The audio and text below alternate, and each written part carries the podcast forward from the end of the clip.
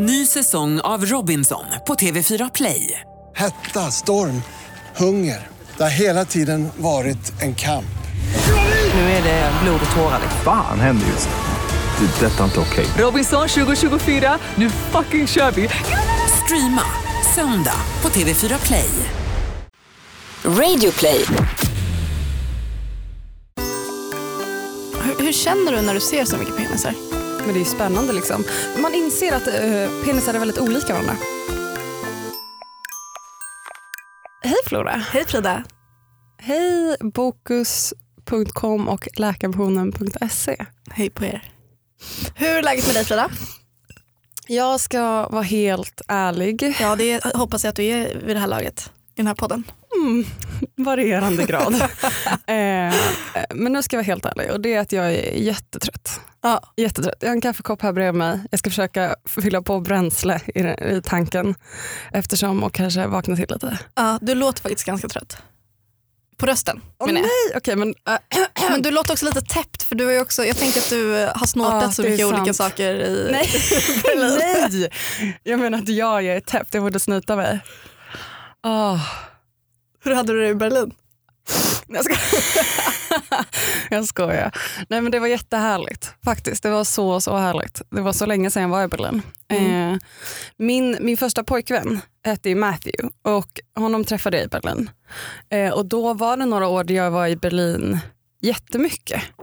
Mm. Eh, så att jag har ju liksom som ett kvarter och typ så här, hit brukar vi gå, här brukar vi vara och vänner där och så. Eh, både genom honom och för att man har andra vänner från Stockholm som har flyttat dit. Mm. Ehm, som, och då har jag saknat att vara där helt enkelt. Så det var så mysigt att komma dit. Dock var det sämst fucking väder. Alltså, Det bara regnade hela tiden. Och den, alltså den bästa dagen på eh, trippen var liksom den första dagen vi kom dit. Och då hade vi tagit ganska tidigt morgonflyg, typ vid fyra. Eller vi behövde gå upp hemma fyra. Vilket är Mm. orimligt. Mm. Helt jävla Gud, jag orimligt. kan verkligen tänka mig att du kommer som en zombie och så släpar fram din kropp. Ja, jag vet. Ja, men det är verkligen den. Eh, det är verkligen den. Eh, så då kom vi dit och så var vi så himla himla trötta obviously efter att ha rest. Och då brukar man kanske så bara peppa upp sig själv. Bara, Gud tjejer, vi är i Berlin, nu måste vi ta den här dagen, fånga den, museum, second hand-affärer, typ bara gå runt. Och Nim och jag bara tittar på varandra och vi är så himla synchronized souls. Vi bara tittar på varandra och bara hell no. Vi kom dit vi skulle vara och sen la vi oss i den sängen och sen låg vi där hela första dagen. Och vi gick bara så här, vi åt eh, takeaway i sängen, åt godis, tittade på Silicon Valley, typ så här skedade varandra, läste lite. mysigt. Alltså, det var bästa dagen på Berlinresan. Det var Jag verkligen älskar att det. du behöver åka till Berlin för att ha en sån dag. Nej, men jag har sådana dagar hemma också. Men det är härligt att ha en sån dag i Berlin. Eller Ja. inte, det känns ännu... Att man unnar sig själv det också Ja. är ju väldigt semestrigt. Att man verkligen råchillar fast man har så mycket att typ upptäcka. Jag vet. Nej, det var semester från semestern, det var underbart. Men eh, din kompis Nora fyllde år, visst var det Ja. så? Och så var ni ett gäng som åkte dit eller? Ehm, Nora som också är eh, konstredaktör för Nuda, Fridas tidning, tidning. tidningen jag pillar på. Eh, och hon fyllde år och det var väldigt härligt för att hon har börjat peppa för den här födelsedagen liksom flera månader innan. Hon är som jag. Ja, men det var typ så här, så här, jag vet inte om det var typ februari när det dök upp eh, ett event på Facebook i början av juli som bara här fyller jag år, alla ska boka biljetter ner till Berlin. Alltså, bara, det är ändå mm. legit när man bor i Berlin för då måste man så arrangera sånt. Men så här, jag fyller år i september och jag sa till Isak typ häromdagen bara, jag fyller år snart. Bara, Nej det gör du inte, du fyller år i slutet av september. Har du en sån almanacka du börjar så här kryssa Eh, dagar, bara ja. räkna ner. Bästa jag vet att fylla år. Glömmer bort alla andras födelsedagar men kommer alltid ihåg min egen Ja, väldigt jag väl. med. Jag med. Mm. Ja, men det var i alla fall. Och så fyllde hon år så att eh, det här har ju peppats för väldigt, väldigt länge, framförallt eh, Nora då.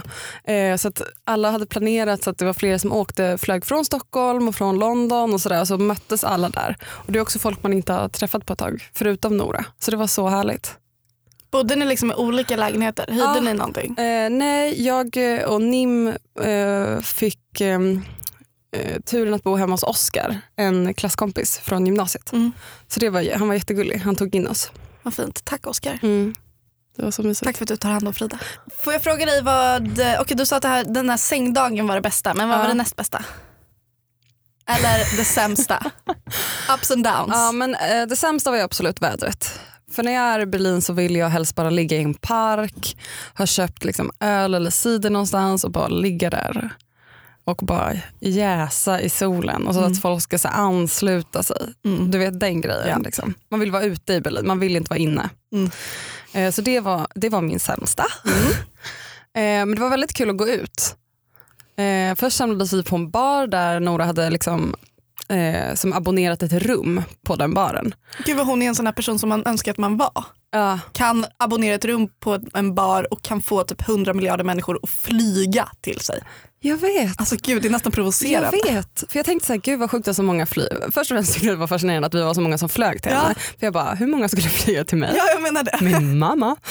eh, och sen så insåg jag, och det var ju bara de från Stockholm. Och sen har hon också sagt att ah, men mina kompisar, eller så här, kompisar från Berlin kommer också komma. Mm. Och så det där rummet kom vi dit så var det så här, det var ett ganska stort rum. Och jag kände genast så här, hmm, vi är typ åtta pers eller så här, ska vi fylla det här rummet typ. Ja. Och så bara väller in folk. Det var så mycket folk. Ja vilken härlig person. Mm. Så först var vi där och sen så gick vi hem till Nora och då hade de ägnat hela dagen åt att så baka typ någon äcklig tårta som vi sen aldrig åt. Och sen så bara hängde vi där och sen när grannarna klagade för mycket då eh, drog vi vidare till en klubb som heter Cocktail. Vad hände där då? Där hände det att vi dansade. Och att, men det roligaste med är liksom så lite att så här, spana in folk. Har du tänkt på att eh, ordet cocktail översätts som kuksvans? Mind blown. Vilka spanade ni in? Ja, men det knyter an lite på temat av kuksvans. För att eh, de synerna jag tar med mig mest härifrån, och det är väl samma syner man tar med sig från Berghain också, det är ju otaliga eh, penisar. Som, som är ute i vädret? Ja, Som nosar? ja, som släpar sig i golvet? ja. Mm. Jag såg ett fascinerande mode som var eh, flera killar där eh, sportade någon typ av shorts som var liksom klippta så att de skulle vara väldigt, väldigt eh, korta. Så att eh, liksom pungen hängde liksom ut, så att, eller som liksom, eh, penistippen. Så att den hela tiden var liksom exposed. Eh, så att den liksom dinglade ut. Och det var ju hypnotiserande. För jag frågar om det här är liksom ett straight mode eller ett gay mode? 100% gay-mode. Ja. Alltså, I Berlin när jag på de här klubbarna då förutsätter jag att alla är gay tills en motsats bevisats. Mm, jag förstår. Ehm, men det är, um, nej, men jag, det var länge sedan jag såg om så mycket penisar faktiskt. Hur, hur känner du när du ser så mycket penisar? Men det är ju spännande liksom. Man får ju möjlighet att se, alltså, man inser att uh, penisar är väldigt olika varandra. Ja. På, på ett sätt som, som, eh, jag har ju ändå ett mer begränsat utbud av dem jag personligen kan liksom, jämföra mellan eh, versus om man går ut en sån här kväll för då ser man liksom fler penisar än man sett i hela sitt liv. Mm. Mm. Mm, Eh, just det. och, och så det tänkte jag mest på. Framförallt såg jag några eh, otroligt, otroligt små penisar. Eh, och det var...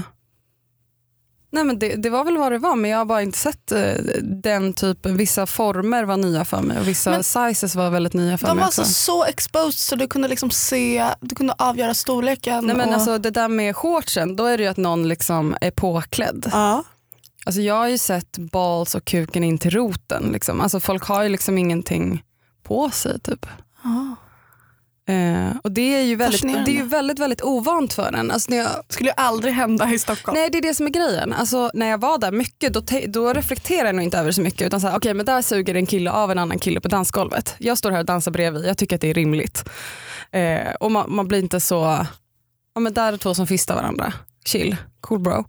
Eh, men när man kommer till Stockholm, och nu har jag varit i Stockholm så länge, att man går på, liksom, är på trädgården eller någonting och man ser någon som kanske vinglar till lite för att ha tagit en öl för mycket och så bara kommer det 20 ordningsvakter som bara stopp, stopp, stopp, dags att gå hem. Försök fista någon på pingisbordet på trädgården. Alltså try that. See how it works out. Jag minns, alltså så här, det här var flera år sedan när jag var i Berlin men då var vi på en klubb som hette um, Servil den Renate. Mm. Eh, och de hade ju en, en ehm, dels hade de så här, ja det klubb och med en jättefin innergård men sen så fanns det också en labyrint som nu inte finns kvar. Men det var också så att, att som så här 18-åring Nej jag var inte ens 18, alltså jag var kanske så här 16 och klättrade runt i den här labyrinten. Det, är också så här, det skulle aldrig aldrig, aldrig ske i Stockholm men att det var så här, eh, rutschkanor ner genom typ slimiga hål, man klättrade runt och typ så här, det var hårigt, det var torrt, det var strävt, det var gummiaktigt och man typ så här, alltså det var så läskigt och man var tvungen att gå in i labyrinten själv. Eh, och sen så typ efter en minut eller något så kom nästa person ner för rutschkanan och liksom skulle välja olika rum och så ta sig runt där. Och jag minns verkligen att jag var så helt amazed av det här. Eh, men jag tänker också på så här br- brandfaran där inne. Om någon skulle så här, ta en... Så jävla svensk. Bara, vad har du för intyg från eh, brandkåren för hur många personer får inrymma här? Exakt så kände jag. Om någon koksad person skulle ta upp sin eh, lilla mm, tändare och bränna tag liksom, i någonting så skulle det vara... För så gör ju koksade personer. Ja, alla, alla de tänder eld. Ja.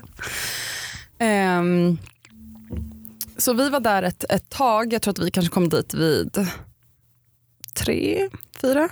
Men sen så gick jag och Nim vid kanske sju på morgonen. Mm.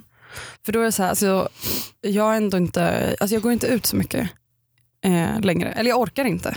Och framförallt så är jag den personen som så här, om jag börjar känna mig trött eller bara nu tror jag att min kväll har pikat, nu börjar jag så här då är jag fine med det och då går jag hem. Jag är liksom inte den som bara, men en öl till, men en öl till. För jag vet bara att så här, it's a downhill from here.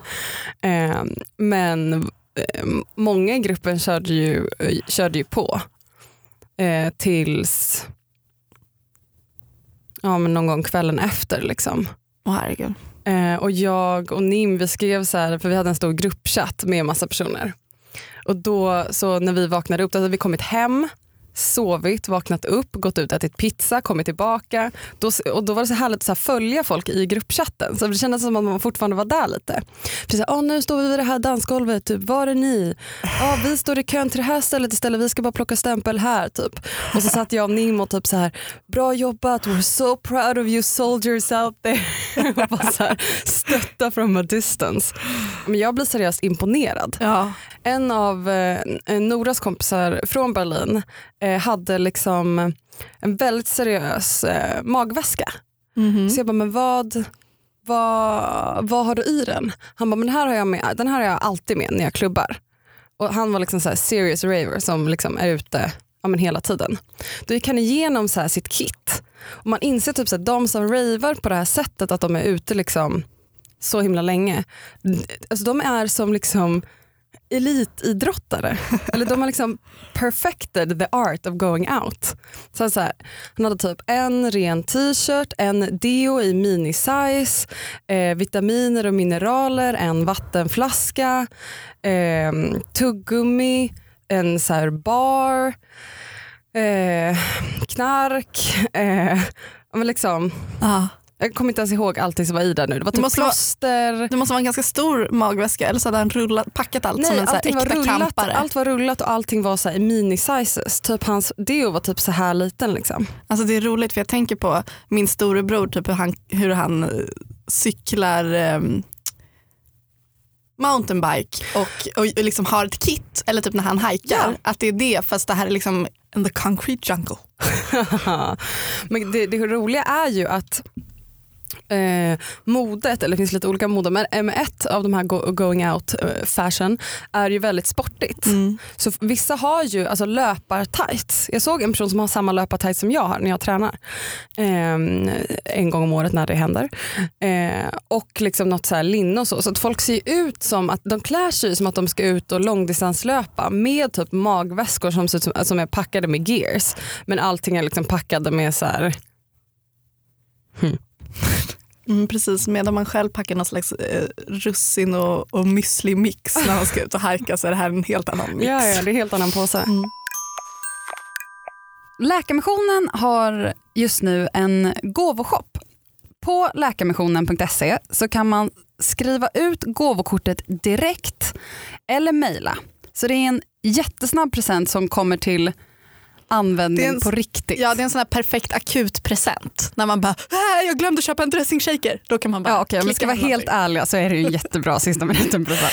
Och eh, ett förslag på en sån här gåva det är en trädplantering i Sydsudan.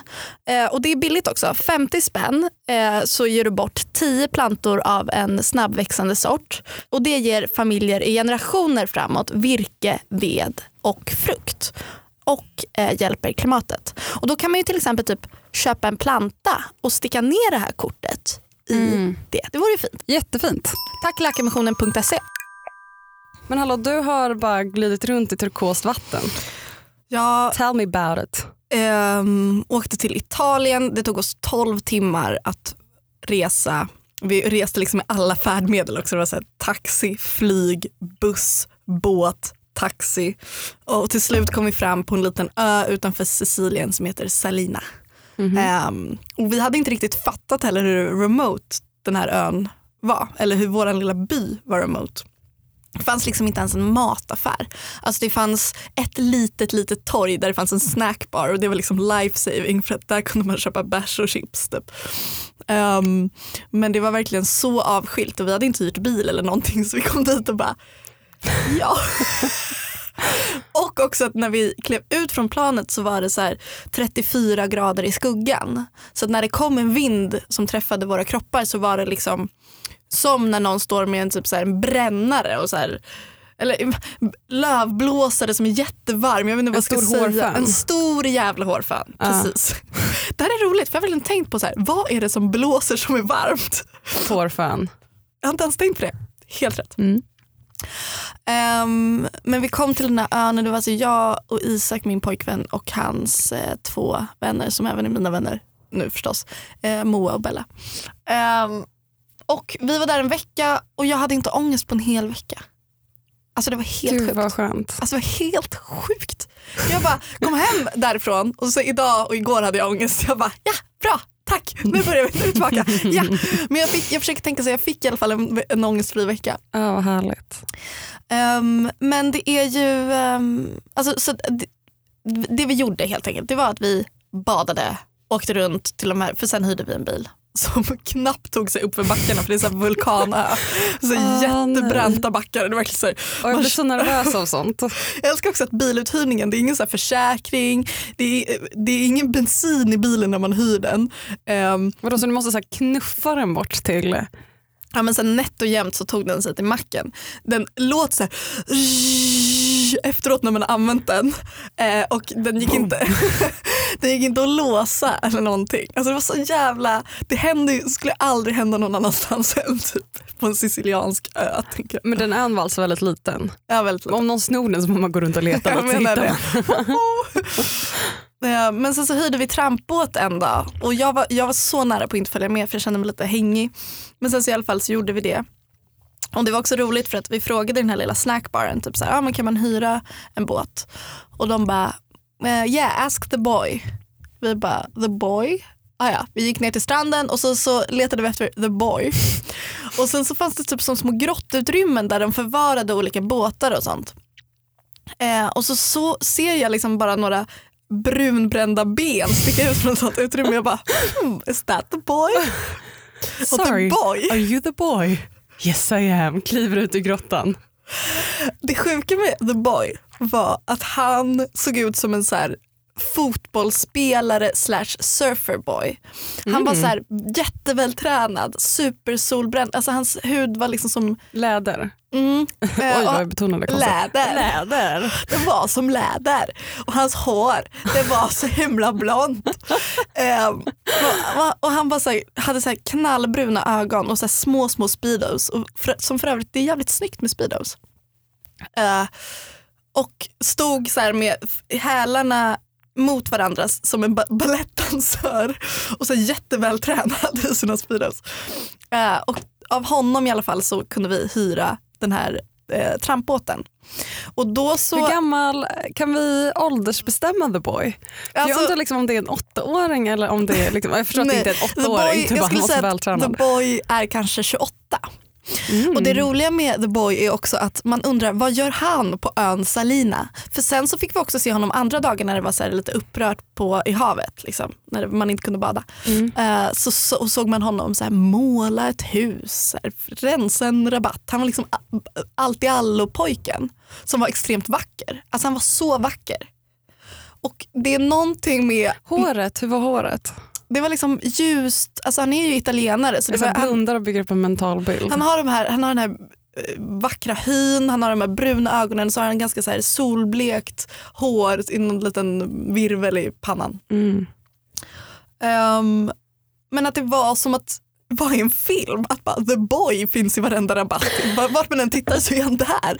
Och så säger han eh, good morning och så, så, så liksom, han kan väldigt lite engelska så det är väl snarare så här buongiorno säger han Jag förstås. precis, ska du försöka våga dig på en, en? Buongiorno principessa säger han inte. Men det hade han kunnat säga. Ja. Eh, så vi In hyrde your dreams. Eh, Ja, både jag och Bella och Moa bara...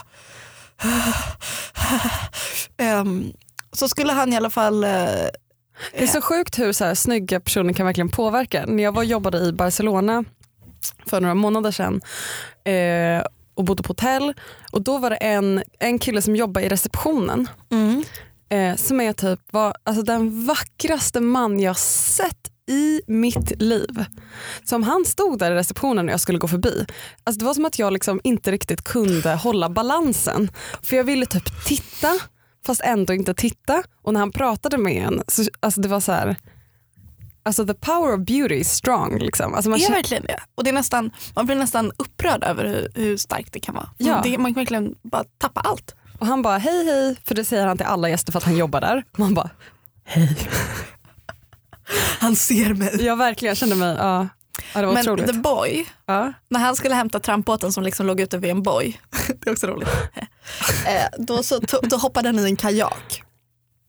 Och sen så, sim, så paddlade han ut dit och så hämtade han, så hämtade han eh, trampbåten och sen så höll han liksom våra händer när vi klev på trampbåten. Mm. Och du bara oj det är så svårt att kliva i, vänta jag försöker en gång till, en gång till, oj oj oj. Ehm, Faller ner i hans armar. och så sa han liksom så här, bara se till om ni vill ha lunch då fixar jag det. Då kunde han så beställa det uppifrån snackbaren så hade de en liten så korg på en linbana så att de kunde så här ringa varandra så skickade de ner som mat. För det var väldigt, eh, det här är en vulkan så det är väldigt så här höga avstånd. Men gud vad härligt. Rekommenderar du det här resmålet? Eh, Ja verkligen. Vad, ska man gå, vad hette det? Salina, Salina? det är de eolianska öarna. Så det är typ så här eh, Stromboli, Salina, Lipari, Lipari kanske man säger.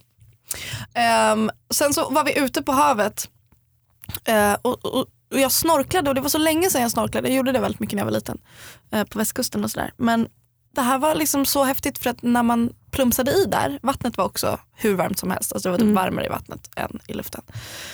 Ehm, så var det bara helt och hållet blått. Alltså man tittade ner och var man än tittade så var det liksom turkosblått. Just här, längre in mot land så var det fiskar och allting.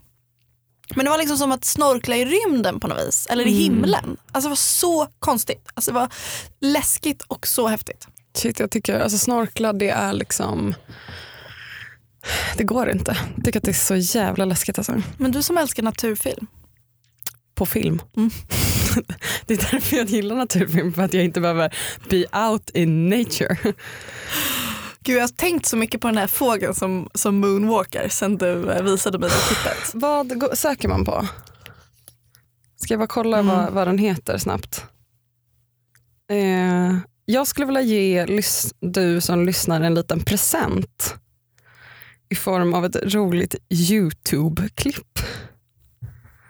Eh, och då söker man på um, Sök Birds Moonwalk to impress the ladies. Och då är det en National Geographic-film om um, en fågelart som där hannarna för att få liksom, uppmärksamhet så, uh, så moonwalkar de. Det, var, det är helt otroligt. Alltså det är helt sinnessjukt. Mm. Helt sinnessjukt. Men jag kan bara läsa upp en grej. Mm. Eh, för att Isak och Moa gjorde en fin grej. De har ju då ett eh, band nu som heter Fighting in the Taxi. Och deras första Mm. album heter Sweet Salina. Mm. Eh, och det här är då eh, ett indie hiphopband Ja. eh, och de gjorde en, eh, en skiva då under resan. Och så, så, här, är- så här heter låtarna.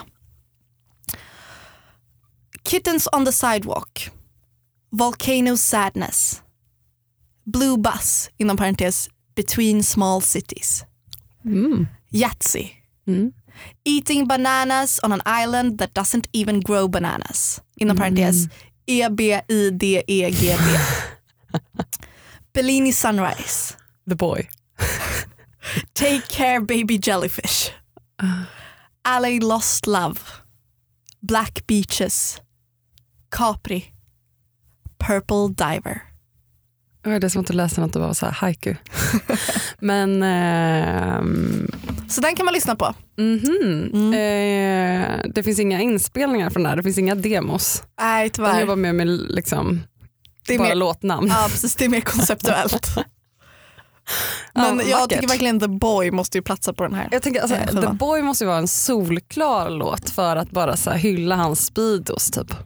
Den ska, det skulle vara någon sån här Vad fanns det liten... för eh, kukpotential i de här speedosarna? Men väldigt bra tycker jag. I, I allmänhet så är ju italienare väldigt, det är ju härligt med deras solbränna för de ligger ju, liksom, de ligger ju i solen och steker som om som Hur om, många använder solkrämkit? ja, säg det till dem. Alltså det är som deras, The i, Boy, du behöver åka tillbaka med så här ett solskydds... eh, jag ville bara smörja in honom. Eh, men det är liksom som lackat trä eller liksom läder. Och, d- och jag tycker ändå Speedos gör sig ganska bra i det. För Ah. att det blir liksom, ja. Eh, men det var bra, det var bra kukkonturer på The Boy Mm. måste jag säga. Fnitter, fnitter, moget. Jag vill dela med mig också av två tips som är bra. Vilken typ av tips? Så här, lite lifehackiga tips när man reser i grupp. Ja. Det första är ehm, att man kan dela album på sin telefon. Alltså man kan dela bilder. Man kan eh, lägga in bilder i samma album. På Av sin de telefon. albumen som är... M- eh, Med bilder. Aha. Ehm, vilket är väldigt smidigt. Så varje dag om man har tagit bilder så kan man lägga in det i ett delat album så får alla de bilderna. Så man kan ha som en samlad Oj, min- bildbank. min Vilket är väldigt är- härligt om man, om man gillar att lägga upp bilder, vilket vi gjorde för jag la upp kanske 20 bilder från resan. Men gud, hur gör man då? Då går man in i sitt, eh, om man har iPhone då, Mm. då går man in i bilder och sen så skapar man ett nytt album och sen så finns det någon så här dela med. Alltså det finns liksom en hel egen kategori. Alltså det finns bilder, minnen, delat och album. Så Mhm. att, och delat har, ser ut som ett litet moln och där kan man gå in och skapa delade album. Så det är svinbra. Mhm. Mitt andra tips är Splitwise. Och det har jag, vet jag att jag har pratat om i podden förut för det är också bra om man har delad ekonomi med den man bor med till exempel. Mm. Men det är att man lägger in alla utgifter och sen så räknar den ut vem som är skyldig vad. Är det en app? Mm. Ah. Och det är liksom, då slipper man så här, men jag betalade ju vatten för 6 euro, men jag betalade ju taxi för 13 Ah. euro. Utan man bara skriver in varenda grej. Och sen så i slutet på resan så står det så här, Flora owes Isak 32 euro. Och då kan man swisha det. Ah, Liksom. vad nice. Det där, Ehm. jag och Nim skrev upp under resan liksom, bara i anteckningar. Vi har inte rätt ut det nu inser jag. Nej men det är väldigt smidigt för då slipper man ens hålla på och Och räkna ehm, ihop. räkna ihop. Splitwise. Mm. Jag läser en asspännande bok. Vilken då? Sapiens. Gud jag har verkligen velat läsa den här. Alltså, jag är så mind blown. Berätta.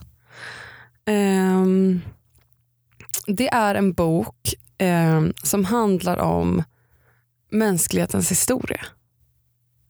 Eh, och då börjar den liksom från, jag har bara läst halva än så länge, men den ger liksom en förståelse för oss homo sapiens som art. Jag kan, jag kan läsa baksidan på boken. Mm, gör det.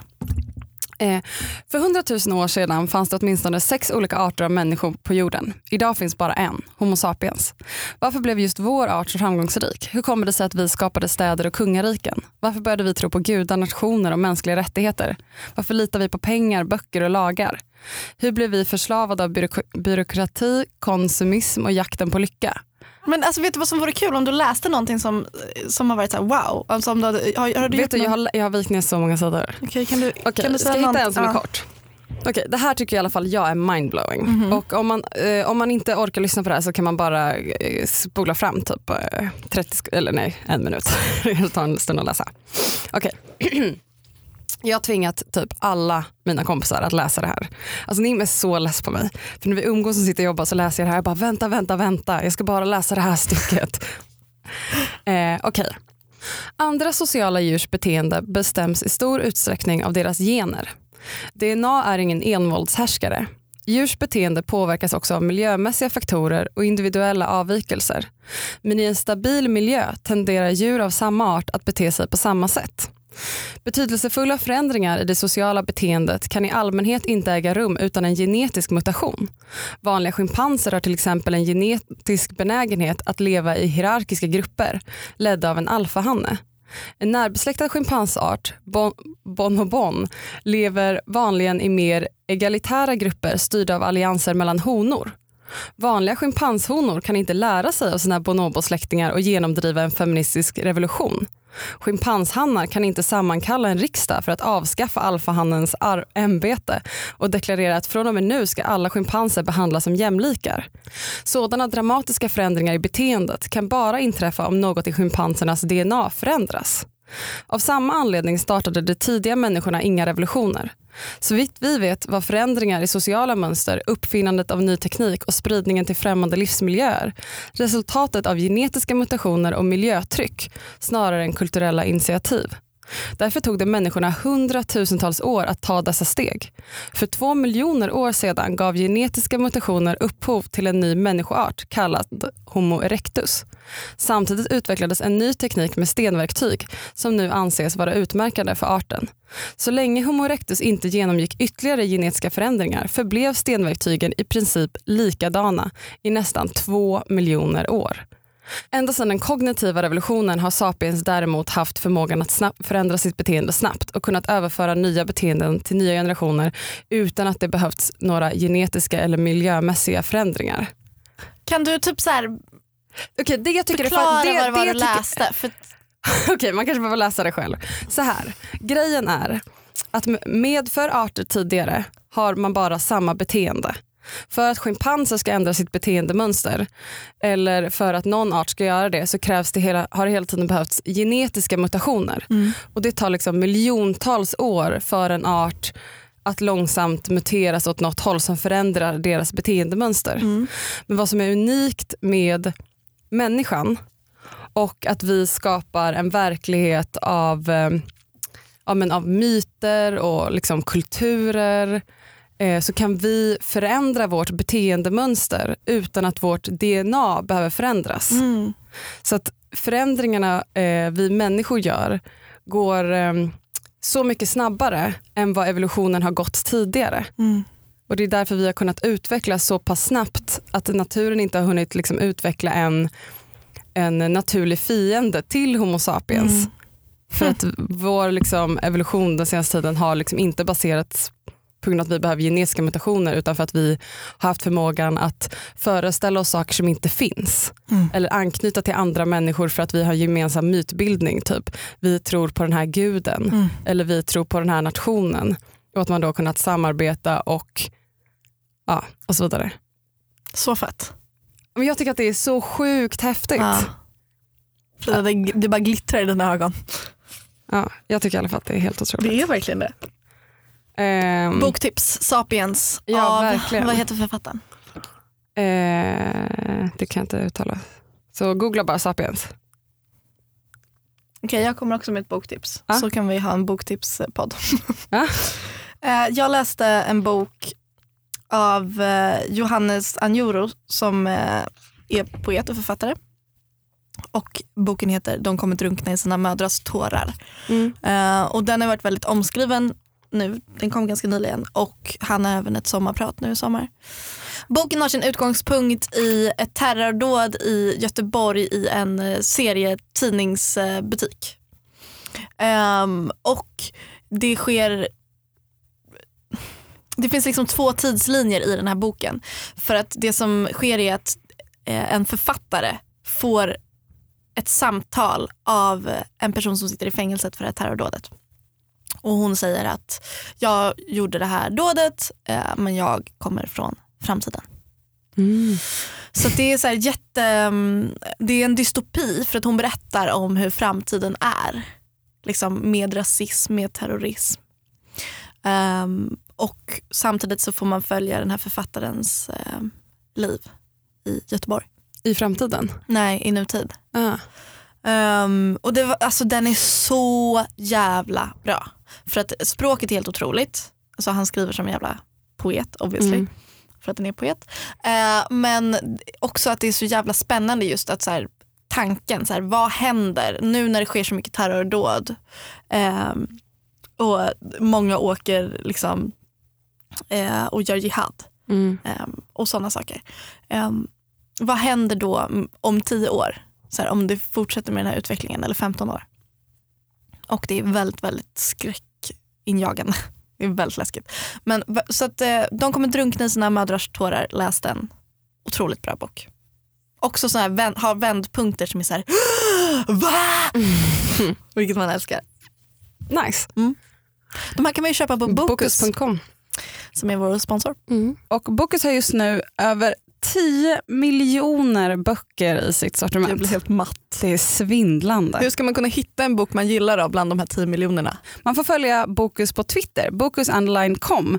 Och spana in hashtaggen det finns alltid en bok. För då kan man få ta del av dagsaktuella boktips kring vad folk eh, surrar om just nu. Jag har, haft en, eller har en tidning som heter Nuda som vi har gett ut två nummer av. Ett nummer gav vi ut i höstas och ett nummer gav vi ut i våras. Och nu har jag långsamt börjat jobba på ett tredje nummer. Men om jobbat menar jag att jag har börjat tänka på att det ska eh, skapas. inte så mycket konkret. Eh, och när det kommer vet jag inte.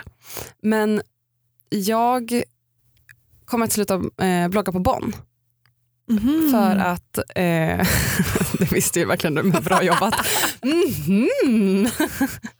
Hur känns det? Eh, ja, men det känns nog det känns bra. Det känns, jag har ju bloggat där i så många år så det är klart att det känns konstigt. Varför ska du sluta?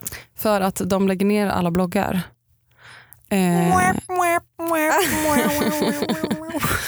eh, men det känns ändå bra för att jag har haft en blogg som sett ut på ett visst sätt som jag har uppdaterat på ett visst sätt under så många år och jag eh, är redo för någonting annat. Mm.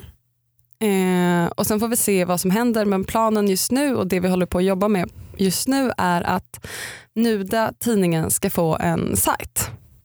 Så kul! Ja, för att jag vill väldigt, väldigt gärna ha, eller jag behöver ha så här. Redan från början när jag insåg att jag tycker att det är fett att hålla på med bild och fota och liksom att eh, göra små videos eller bara plocka ihop grejer. Så har det varit väldigt viktigt för mig att ha eh, kanaler där man kan lägga ut saker Mm. för att liksom ha det som verktyg att motivera sig att eh, skapa grejer. Mm. Det är inte så himla fett att göra något som man blir jättenöjd med och sen så lägger man det i en mapp på datorn som det står saker jag är nöjd med. Det känns liksom lite, det känns tråkigt. Man vill visa grejer man har gjort. Eh, och nu känner jag att jag behöver liksom en ny plattform för det.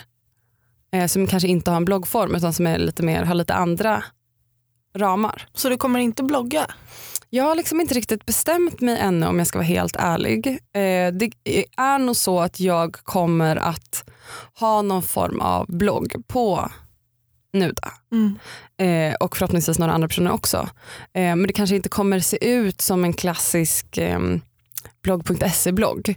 Men jag tänker att jag och några andra personer kommer ha som någon form av eh, feed eller någon form av egen page och om man döper den efter sitt eget namn eller någonting annat eh, för att kunna samla eh, saker. Vilka andra kommer vara på sajten? Eh, det vet jag inte Nej. faktiskt. Eh, jag har några personer som jag är, eh, skulle tycka att det var kul att ha och jag har pratat lite med några men vi får se. Till en början så kanske det bara är jag och sen får jag se och sen får det bara fungera organiskt. Mm. Fy fan vad Ehm, häftigt. Mm, det känns jättekul men eh, nu är det ju sommar och så och det är alltid så att jag alltid hamnar i otiming att jag ska börja dra igång saker på sommaren. Eh, när folk säger bara ja det låter jättekul men jag ska på semester. Ja. Så att, eh, vi pratar med några olika personer när det handlar om så att göra design och att koda och så. Eh, om någon som lyssnar har något tips på någon svingrym kodare som också inte är svindyr utan kanske till och med är gratis eller som är pepp för en symbolisk summa så får man jättegärna höra av sig. För framförallt kodare eh, tittar vi fortfarande på.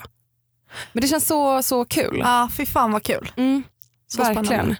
Det känns väldigt skönt också att kunna ha dem att ha en, så här, en kanal som är liksom fysisk i tidningen, att det är print och sen kunna ha en kanal att bossa över som är eh, digital. För det ger ju ganska olika möjligheter. Alltså video till exempel är ju någonting man kan göra digitalt men Mm. inte i print och möjligheten att uppdatera fortare. Alltså det är ju väldigt jobbigt ibland med processen med att göra en tidning för att man jobbar med den under flera månader och sen så sätter man ihop allt och sen kan man inte ändra någonting så skickar det till tryck och sen så är det statiskt. Mm. Det gör mig lite svettig Mm. i att man liksom inte att det inte kan vara lika organiskt på det sättet. Det är två väldigt olika processer. Men kommer det liksom vara en sajt där det kommer finnas så här, kommer du göra samarbeten och sånt? Kommer det vara den typen av grejer också eller är det, är det, är det helt och hållet en så här konstnärlig sajt eller är det också typ att du ska kunna tjäna pengar på det? Det här kanske inte är relevant för podden men jag bara undrar. Uh, jo men vi kan prata om det. Eh, alltså, när det gäller Nuda tidningen så har vi ju aldrig tjänat några pengar på den. Eh, jag har gått back först och nu börjar vi komma till en punkt där man kan gå plus minus noll. Mm. Eh, med sajten, alltså det viktigaste för mig med sajten är att jag, jag behöver en digital plats på nätet där jag, som jag kan använda som kreativt verktyg att lägga Ja. upp saker. Och som jag vill ska kunna eh, stötta upp tidningen i att kanske fler får, kan få kontakt med tidningen men genom en sajt. Ja. För det är inte lika många som stöter på liksom ett fysiskt, en fysisk tidning, då måste man ju aktivt så här, Mm. se den i butik eller hålla i den, förutom Instagram. Då.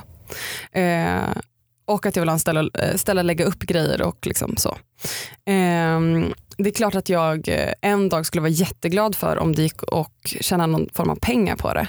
För som det ser ut nu så har jag jobbat med varje nummer av Nuda nästan heltid, tre månader eh, och liksom inte fått något betalt för det. Så att eh, det är väldigt svårt då att kunna lägga typ ett halvår av sin tid på någonting som man inte tjänar pengar på. Mm. Eller så den lyxen kan jag unna mig för att jag lever så pass billigt just nu. Men liksom längre fram så kanske det är liksom svårare att få ihop. Mm. Så det är klart att jag vill att det ska gå in och få in någon typ av pengar på det för att man ska kunna lägga mer tid på att utveckla det. Och framför allt för att kunna också någon dag eh, betala de som eh, är contributors och medverkar. Mm. För idag finns ju verkligen inget utrymme att ge någon några pengar. Varken mig eller någon annan som är med. Liksom. Mm. Ehm, så absolut att se över möjligheter framöver såklart att kanske om man hittar roliga samarbeten eller sådär om det känns bra. Om man håller på med någonting kreativt eh, så är mitt bästa tips, i alla fall vad som har funkat för mig, är att inte vara beroende av andra personers utrymme. Och jag tror att det är därför så här, båda du och jag har haft en blogg. För att om du har velat skriva har du kunnat publicera det på en gång. Mm. Eller eh, så. Och jag tror att det är liksom mitt bästa tips om man vill hålla på med någonting och utveckla sig någonting är att man skapar sig själv något form av utrymme oavsett om det är liksom en tidning eller att man skapar en hemsida eller ett konto på MySpace om det fortfarande existerar eller whatever. Men där man har som en egen plattform som man kan styra över. Mm. Jag, jag, det har varit väldigt viktigt för mig så att man inte är beroende av att andra ska ge en plats att här, lägga upp grejer eller få göra saker. Mm. Sen funkar det olika för olika. Mitt bästa tips är nog att ehm, inte vänta på att man ska få tid till sitt intresse utan ta sig tid till det. Jag känner det jättemycket med skrivandet nu att jag har haft en period då jag har, ehm, det har gått sådär men tanken har varit att jag ska skriva 500 ord om dagen. Mm. Vilket är ungefär en och en halv sida. Och det är ett sätt för mig att prioritera skrivandet och inte vänta på att jag ska få en timme över till att kanske kunna skriva någonting. Mm. Utan att aktivt ta sig tiden. Mm. Uh, wish me luck den här sommaren med att skriva. Alltså, det går så långsamt nu. Ah, jag tänkte på det på vägen hit. Jag bara, blir det någon bok? I don't even know. Alltså, ja, det är svårt. Hur långt har du kommit med boken? Jag har skrivit kanske hundra sidor men alla de sidorna kommer inte vara med. Hur många sidor är, liksom, tänker du är ett färdigt bokmanus? Eh, Stanna var 228 A4 sidor. Sen blev det typ 337 eh, sidor i bokform. Så du är halvvägs? Ja fast allt det här kommer absolut inte vara med för jag skriver mig fram till att förstå saker. Mm. Alltså, jag skriver scener som bara jag måste veta för att typ, förstå mina karaktärer och sånt. Mm. Hur flummigt det än kan låta. Ehm, så det är kanske, jag kanske har skrivit en tredjedel då Mm. som faktiskt kommer vara med. Mm. Så att nu eh, om ett par veckor så åker jag och Yrsa till Gotland för där finns en, Bonnier har en skrivarlya som man får låna om man är utgiven där. Nej. Så då ska vi vara i Visby en vecka och skriva.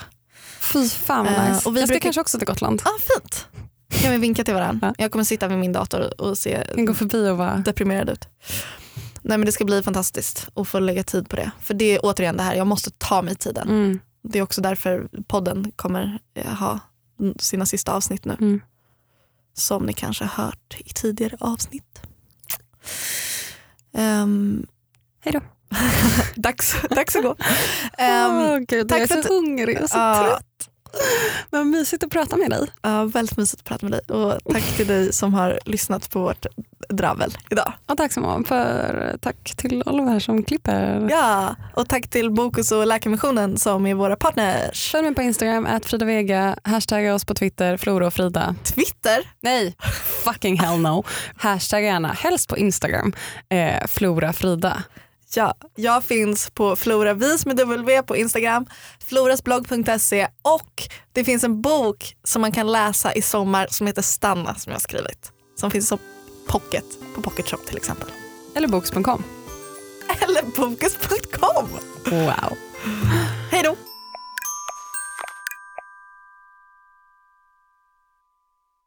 Ny säsong av Robinson på TV4 Play. Hetta, storm, hunger. Det har hela tiden varit en kamp. Nu är det blod och tårar. liksom. Fan händer just nu. Det. är Detta är inte okej. Robinson 2024, nu fucking kör vi! Streama söndag på TV4 Play.